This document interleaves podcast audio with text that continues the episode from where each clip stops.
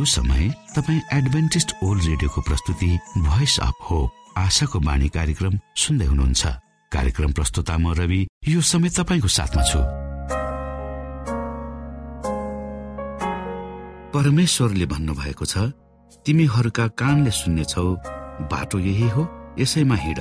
श्रोता आशाको बाणी कार्यक्रमले हामीले चुन्नु पर्ने बाटोको विषयमा हामीले हिँड्नु पर्ने बाटोको विषयमा जानकारी गराउने गर्दछ। धेरै धेरै बाटाहरूको बीचमा कुन चाहिँ बाटो रोज्ने भनेर अलमलिएको मनलाई परमेश्वर तर्फ फर्काउन परमेश्वरको सत्यतालाई बुझ्न आशाको बाणी कार्यक्रम नियमित सुन्नुहोस्। तपाईँले सही बाटो सत्य जीवन र प्रभु येशु क्रिस्टलाई भेट्नुहुनेछ। आउनु श्रोता हामी हाम्रो मुख्य कार्यक्रममा जानु अगाडि आज पनि सुन्नेछौ यो मधुर क्रिस्टीय भजन।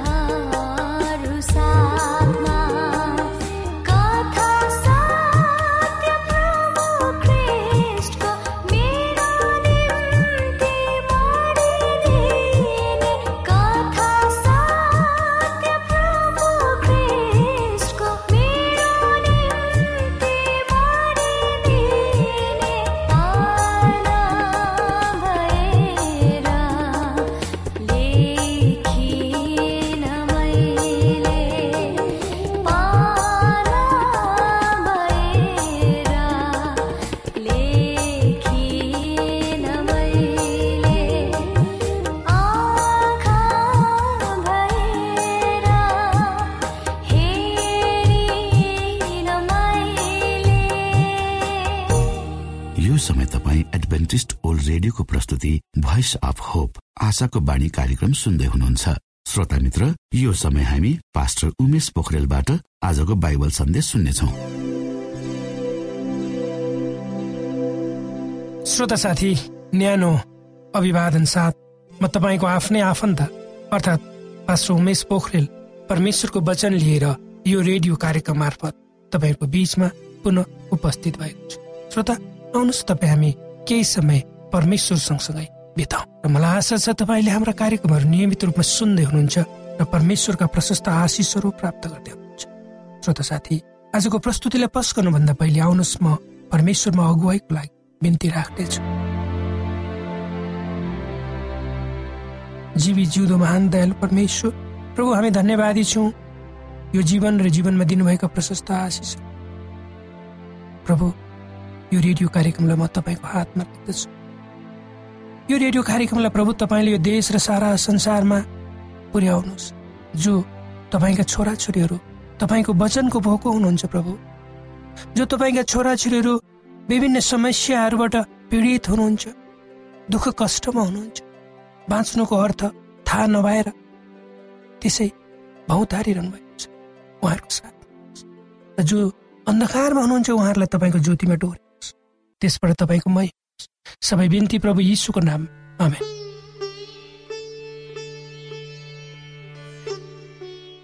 श्रोत साथी कुनै समय एउटा भिक्षु थिए उनी आफू जहाँ गए पनि एउटा ऐना आफूसँगै लिएर जान्। एक दिन त्यो कुरो एउटा पुजारीले चाल पायो र आफै मनमा विचार गरे। उक्त भिक्षु पक्कै पनि एउटा ठुलो महान व्यक्ति हुनुपर्छ। त्यसकारण ऊ सधैँ आफूसँग ऐना बोकेर हिँड्छ। उसलाई देख्दा ऊ कुनै पनि कुरादेखि चिन्तित छैन जस्तो लाग्छ। किनकि मानिस भित्र जे सोच्छ त्यही उसको बाहिरी रूपमा पनि व्यक्त हुन्छ। त्यसपछि उक्त पुजारी भिक्षु भएको ठाउँमा जान्छ र सोध्छ किन तिमी किन तिमी त्यो ऐना सधैँ आफू सँगसँगै राख्दछौ वा बोकेर हिँड्छौ? पुजारीको कुरा सुनिसकेपछि भिक्षुले आफ्नो झोलाबाट ऐना झिकाल्दै ऐना निकाल्दै भन्छ म जब समस्याहरूमा हुन्छु जब म अप्ठ्याराहरूमा हुन्छु तब यो ऐना हेर्दछु। जब म ऐना हेर्छु त्यसले मलाई मेरो समस्याको जड कहाँ रहेछ भनेर देखाउँछ र त्यसलाई कसरी समाधान गर्नुपर्छ भन्ने कुरो पनि बताउँछ। किन ती भिक्षुले आफू समस्यामा पर्दाखेरि ऐना हेर्दा रहेछन् हाम्रो अनुहारले हाम्रो मनलाई प्रतिबिम्बित गर्दछ। अर्थात् तपाईँ हाम्रो मन शुद्ध खुसी र आनन्दित छ भने हाम्रो अनुहारबाट पनि त्यस्तै रूपमा हाम्रो बाहिरी कुरा प्रतिबिम्बित हुन्छ। तर हाम्रो मनमा हामीले कुनै कुरा लुकाएका छौँ वा हाम्रो मन दुखेको छ त्यसको प्रस्फुटीकरण हामी हाम्रो अनुहारबाट गराउँछौँ। होइन र? अर्थात् हाम्रो अनुहारको प्रस्तुतिले हामी कुन किसिम वा कस्तो समस्याबाट गुज्रिरहेका छौँ भन्ने देखाउँछ श्रोता। र हाम्रो अनुहार रिसाएको डराएको कालो निलो भएको अवस्थामा हुन सक्छ जसले हाम्रो भित्री हृदयको अवस्थालाई बाहिर रूपमा प्रकट गर्दछ। त्यसै कारण उक्त भिक्षुले आफ्नो अवस्थालाई हेरेर त्यसको समाधान खोज्ने गर्दछन्। त्यो कुरा हामी प्रत्येकको जीवनमा पनि लागू हुन सक्छ।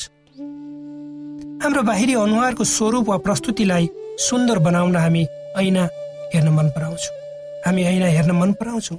किनकि यसले हाम्रो अनुहारमा भएका कुनै पनि नराम्रा कुराहरूलाई वा दागहरूलाई हटाउन मद्दत गर्दछ। र विशेष गरी हाम्रा आमा दिदी बहिनी अर्थात् महिलाहरूले धेरै समय ऐना हेरेर बिताउँछ। किनकि महिलाहरू स्वभावले सुन्दरताका प्रतीक हुन् र पुरुषहरू पनि ऐना हेर्दछन् तर कम मात्र। यो राम्रै हो। तर हाम्रो भित्री अवस्थालाई हेर्नको निम्ति हामीमा साहस चाहिन्छ श्रोता।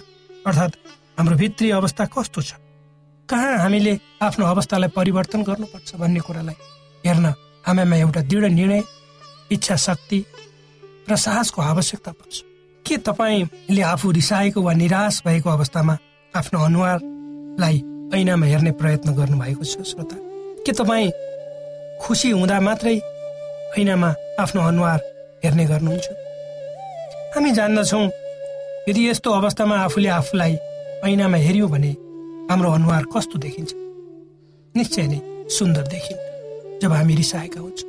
र यो कारणले मात्र हामी यिन आफूसँग बोकेर हिँड्दैनौँ। हामीहरू त्यति धरो पनि छैनौँ ताकि आफूभित्रबाट हामी आफूलाई परिवर्तन गर्न सक्दछौँ। हामी स्वभावले स्वार्थी छौँ र आफूलाई केलाउने आफ्नो गल्ती पत्ता लगाउने वा स्वीकार्ने भन्दा अरूलाई दोष लगाउन हामी अगाडि रहन्छौँ। आफूले आफैलाई हेर्ने र मूल्याङ्कन गर्ने कुरा अरूहरूलाई हेर्नु वा मूल्याङ्कन गर्नुभन्दा धेरै महत्त्वपूर्ण कुरा हो। त्यसैले त प्रभु येसुले भन्नुभयो पहिले आफ्नै आँखाबाट मुडा निकाल तब तिम्रो भाइको आँखाबाट धुलोको कड निकाल्नलाई तिमी सफासँग देख्न सक्छौ। अर्थात् यदि हामी हाम्रो आँखामा भएको मुडो देख्न सक्दैनौँ भने आफ्नो भाइको आँखामा भएको धुलो कसरी देख्न सक्छौँ? हो श्रोत साथी यदि अरूलाई हामी औल्याउँछौँ भने पहिले हामी कहाँ र कुन अवस्थामा छौँ त्यो कुरा बुझ्न जरुरी छ। कुनै ठुलो मानिसले यसरी भनेको पाइन्छ यदि तपाईँले आफ्नो भित्री अवस्थालाई परिवर्तन गर्नुहुन्छ भने तपाईँको बाहिरी परिस्थिति अवस्थाहरू स्वत स्फूर्त रूपमा परिवर्तित हुनेछन्। र यो भनाइमा म सहमत छु। अर्थात् जब हामी भित्री रूपमा परिवर्तित हुन्छौँ हाम्रो मन र मन परिवर्तन हुन्छ। हाम्रो सोचाइ परिवर्तन हुन्छ। स्वभावले हाम्रो बोली वचन व्यवहार गराई उठाइ बसाई सबै परिवर्तित हुन्छन् मानिसको बाहिरी प्रस्तुति वा आवरणलाई उसको भित्री मनले निर्देशित एवं नियन्त्रित गरेको हुन्छ। मेरो वा तपाईँको बाहिरी प्रस्तुतिले हामी के को हौ भने जनाउँछ। मानिसले हाम्रो बोली वचन व्यवहारलाई हेरेर हामी को हौ? केमा विश्वास गर्दछौँ? हाम्रो जीवनको उद्देश्य के हो? जस्ता कुराहरू स्वभावले बुझ्न सक्छ। पवित्र धर्मशास्त्र बाइबलको भजन सङ्ग्रह एक सय उन्नाइस अध्यायमा परमप्रभुको व्यवस्थाको बारेमा लेखकले स्पष्ट रूपमा परमेश्वरको नियम कानुनहरू हाम्रो निम्ति आत्मिकी ऐनाहरू हुन् भनी भनेका छन्। भने ती कुराहरूले हाम्रो अवस्थालाई देखाउँदै हामी कसरी भित्री रूपमा परिवर्तित भई आत्मिकी घाउबाट निको हुन सक्छौँ भने स्पष्ट पारेको पनि पाइन्छ। तपाईँ र उनी भन्छन् र भजन सङ्ग्रहका लेखक भन्छन् तपाईँको आदेशहरूद्वारा म समझ शक्ति प्राप्त गर्छु। यसकारण हरेक जुठा मार्गलाई म घृणा गर्छु। त्यसैले त श्रोता साथी हामीले परमेश्वरलाई भन्नुपर्छ प्रभु मलाई मद्दत गर्नु ताकि मैले मेरा मेरा भित्री खराबीहरूलाई ऐनामा हेरेर पत्ता लगाउन सकौँ र तिनीहरूलाई परिवर्तित गर्न सकौँ। हामी सबै मानिसहरू स्वभावले आफूलाई राम्रो रूपमा प्रस्तुत गर्न चाहन्छौँ। जब हामी घरबाट बाहिर निस्किन्छौँ हामी हाम्रो अनुहार राम्रो देखियोस् हामी हाम्रो लवाई खुवाई राम्रो देखियोस् र हाम्रो प्रस्तुतिलाई देखेर मानिसहरूले हामीलाई भन्नु भन्ने हाम्रो चाहना हुन्छ। तर हाम्रो भित्री रूप कस्तो छ त्यो हामी आफैलाई मात्र थाहा हुन सक्छ। कतिपय अवस्थामा हामी भित्री रूपमा हाम्रो अवस्था ठिक नभए पनि वा आत्मिक रूपमा हामी भित्रभित्रबाट कुहिएको भए तापनि बाहिरी रूपमा आफू धार्मिक भएको आफ्नो जीवनका सम्पूर्ण पक्षहरू ठिकठाक रूपमा चले जस्तो गरी हामी प्रस्तुत हुन्छौँ। त्यसैले त एउटा प्रख्यात नेपाली गीत छ। मुटुमाथि ढुङ्गा राखी हाँस्नु छ। यो गीतको सान्दर्भिकता र महत्व कति छ त्यो जब तपाईँ हामी बाध्यताले वा करले रहरले होइन केही कुरा गर्छौँ तब मात्र थाहा पाउन सक्छौँ। परमेश्वरले मानिसलाई बाहिरीबाट हेरेर मूल्याङ्कन गर्नुहुन्न उहाँले त हाम्रो भित्री हृदयलाई हेर्नुहुन्छ र त्यसको आधारमा हाम्रो मूल्याङ्कन उहाँले गर्नुहुन्छ। श्रोत साथी हाम्रो भित्री रूपले हाम्रो बाहिरी रूपलाई प्रस्तुत गर्दछ र यो प्राकृतिक नियम पनि हो। एउटा रुखलाई हेरौँ त्यसका हाँगाहरू पातहरू फलहरूलाई हेरेर उक्त रुखको जरा कति मजबुत छ र कुन स्थानमा कति तलसम्म माटोमा गाडिएको छ? कस्तो किसिमको माटोमा त्यो रुखका जराहरू गाडिएका छन् भनेर हामी बुझ्न सक्छौँ। यद्यपि रुखको जरा जसरी पात र हाँगा फुलहरूलाई हामी देख्छौँ त्यसरी नदेख्न सक्छौँ। मानिसको भित्री शरीरको भाग स्वस्थ छ। मानिसको मन शुद्ध छ र सफा छ भने उसको मनमा शान्ति हुन्छ। उस शान्तिलाई उसको मनमा शान्ति हुन्छ र उक्त शान्तिलाई हामीले मानिसको बाहिरी स्वरूप प्रस्तुति र अवस्थामा देख्न सक्छौँ। होइन र? जब मानिस शारीरिक रूपमा भित्रबाट डह्रो छ भने उसको बाहिरी शारीरिक प्रस्तुतिमा हामी उसको अवस्थालाई सहजै देख्न सक्छौँ। अर्थात् हाम्रो भित्री अवस्थाको पूर्ण प्रतिबिम्ब हाम्रो बाहिरी प्रस्तुतिमा देखिन्छ वा पर्छ। श्रोत साथी हामी कुनै कुरालाई जब हेर्छौँ त्यसको त्यो स्वरूप छ त्यसको जुन रूपमा हामीले त्यसलाई देख्छौँ त्यस आधारमा त्यसको भित्री कुराहरू पनि केही न केही हामीले अनुमान लगाउन सक्छौँ। यदि तपाईँ मनोवैज्ञानिक कर्ता हुनुहुन्छ र अन्तर्वार्ताहरूमा तपाईँ लिनमा पोख्त हुनुहुन्छ भने वा तपाईँ कुनै शिक्षक हुनुहुन्छ साइकोलोजिस्ट हुनुहुन्छ भने तपाईँले कुनै मान्छेसँग कुनै मानिसको समस्यासँग जब तपाईँ डिल गर्नुहुन्छ र कुनै नयाँ मान्छे तपाईँसँग पहिलोचोटि भेट्दैछ र त्यो मान्छेलाई तपाईँले पहिलोचोटि स्वागत गर्दै हुनुहुन्छ तपाईँको अफिसमा र मेरो आफ्नै अनुभवमा त्यो मान्छेलाई तपाईँ तलदेखि माथिसम्म जब पाँच मिनट तपाईँ हेर्नुहुन्छ भने कमसे कम फोर्टी पर्सेन्ट चालिस प्रतिशत त्यो मानिसको अवस्था तपाईँ बुझ्न सक्नुहुन्छ। त्यसै गरेर मैले अघि नै भने रुख बिरुवाको पनि कुरा त्यही हुन्छ र प्रकृतिका अरू कुराहरूमा पनि यो लागु हुन्छ। त्यसका तपाईँ हामी बाहिरी स्वरूपमा मात्रै होइन। बाहिरी रूपमा तपाईँ हामीले आफूलाई परिवर्तन गर्ने कोसिस वा नक्कल गर्ने होइन। तर तपाईँ र मैले भित्ती रूपमा आफूलाई परिवर्तन गर्न सक्नुपर्छ। हाम्रो सोचाइमा हाम्रो विचारमा हाम्रो घराइमा हाम्रो भावनामा हाम्रो लक्ष्यमा जब हामी भित्रीदेखि परिवर्तित हुन्छौँ एउटा लक्ष्यले तपाईँ र मलाई भित्री रूपमा परिवर्तित गर्छ र डोहोऱ्याउँछ निश्चय नै त्यो लक्ष्य प्राप्ति गर्ने मार्गमा तपाईँ हामी जब निरन्तर लाग्छौँ बाहिरी रूपमा पनि हाम्रो हाम्रा कुराहरू त्यसै अनुसार प्रतिबिम्बित हुन्छ। श्रोत साथी यो वचनले तपाईँलाई र मलाई आफ्नो स्वरूपलाई आफ्नो भित्री हृदयलाई हेर्नको लागि र भित्री हृदयमा भएका खराबीहरू नराम्रा कुराहरूलाई निकाल्नको लागि परिवर्तन गर्नको लागि मद्दत गरून् यही मेरो कामना छ।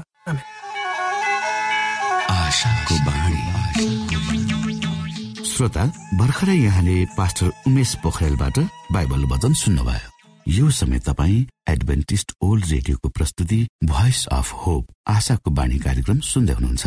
कार्यक्रम सुनेर बस्नुहुने सबै श्रोतालाई हामी हाम्रो कार्यक्रममा स्वागत गर्न चाहन्छौ। श्रोता मित्र यदि तपाईँ जीवनदेखि हरेस खानु भएको छ तपाईँका जीवनमा धेरै अनुत्तरित प्रश्नहरू छन् भने आउनुहोस् हामी तपाईँलाई परमेश्वरको ज्योतिमा डोहोऱ्याउन चाहन्छौ र तपाईँ आफ्नो जीवनका चिन्ता फिक्रीबाट निश्चिन्त हुनुहोस् र बाँच्नुको आनन्द परमेश्वरको सामिप्यमा कति मिठो हुन्छ त्यो चाख्नुहोस् भनी हामी चाहन्छौँ। श्रोता यदि तपाईँ आशाको बाणी कार्यक्रमलाई अनलाइन सुन्न चाहनुहुन्छ वा डाउनलोड गर्न चाहनुहुन्छ भने डब्लु डट एडब्लुआर डट ओआरजीमा जानुहोस्। त्यहाँ तपाईँले प्रत्येक दिनको कार्यक्रम सुन्न र डाउनलोड गर्न सक्नुहुनेछ। हाम्रो वेब पेज यस प्रकार छ W dot AWR dot ORG श्रोता यदि तपाईँ हामीसित सिधै फोनमा सम्पर्क गर्न चाहनुहुन्छ भने हाम्रा नम्बरहरू यस प्रकार छन्। अन्ठानब्बे एकसाठी पचपन्न शून्य एक सय बिस। अन्ठानब्बे एकसाठी पचपन्न शून्य एक सय बिस। र अर्को अन्ठानब्बे अठार त्रिपन्न पन्चानब्बे पचपन्न। अन्ठानब्बे अठार त्रिपन्न पन्चानब्बे पचपन्न। कोभिड नाइन्टिनका सम्पूर्ण खोप वा भ्याक्सिनको सफल परीक्षण गरिएको छ।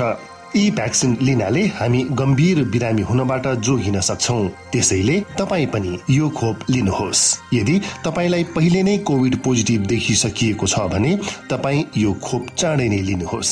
यसो गर्नाले हामी र हाम्रो समुदायमा रोग प्रतिरोधक शक्ति चाँडै नै आउनेछ र हामी सबैजना पहिले जस्तै सामान्य जीवनमा फर्कन सक्दछौ। युनेस्को डब्लुएचओ र रेडियो कार्यक्रम आशाको बाणीबाट जनहितमा जारी सन्देश। तपाईँलाई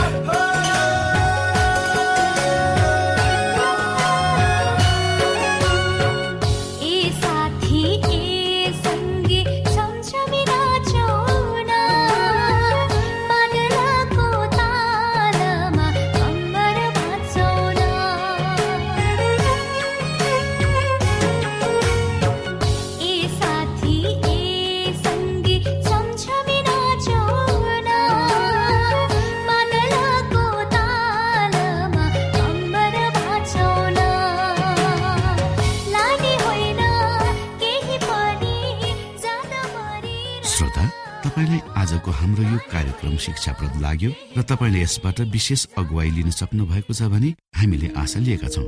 हामीसँग पत्राचार गर्ने हाम्रो ठेगाना यस प्रकार छ। आशाको बाणी पोस्ट बक्स नम्बर दुई शून्य शून्य शून्य दुई काठमाडौँ नेपाल।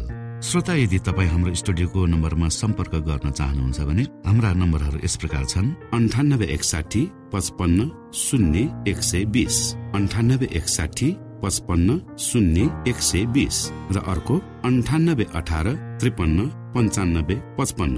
अन्ठानब्बे अठार त्रिपन्न पन्चानब्बे पचपन्न। हवस् श्रोता भोलि फेरि यही स्टेशन र यही समयमा यहाँसँग भेट्ने आशा राख्दै प्राविधिक साथी राजेश पास्टर उमेश पोखरेल र कार्यक्रम प्रस्तुता म रवि। यहाँसँग विदा माग्दछौ। नमस्कार।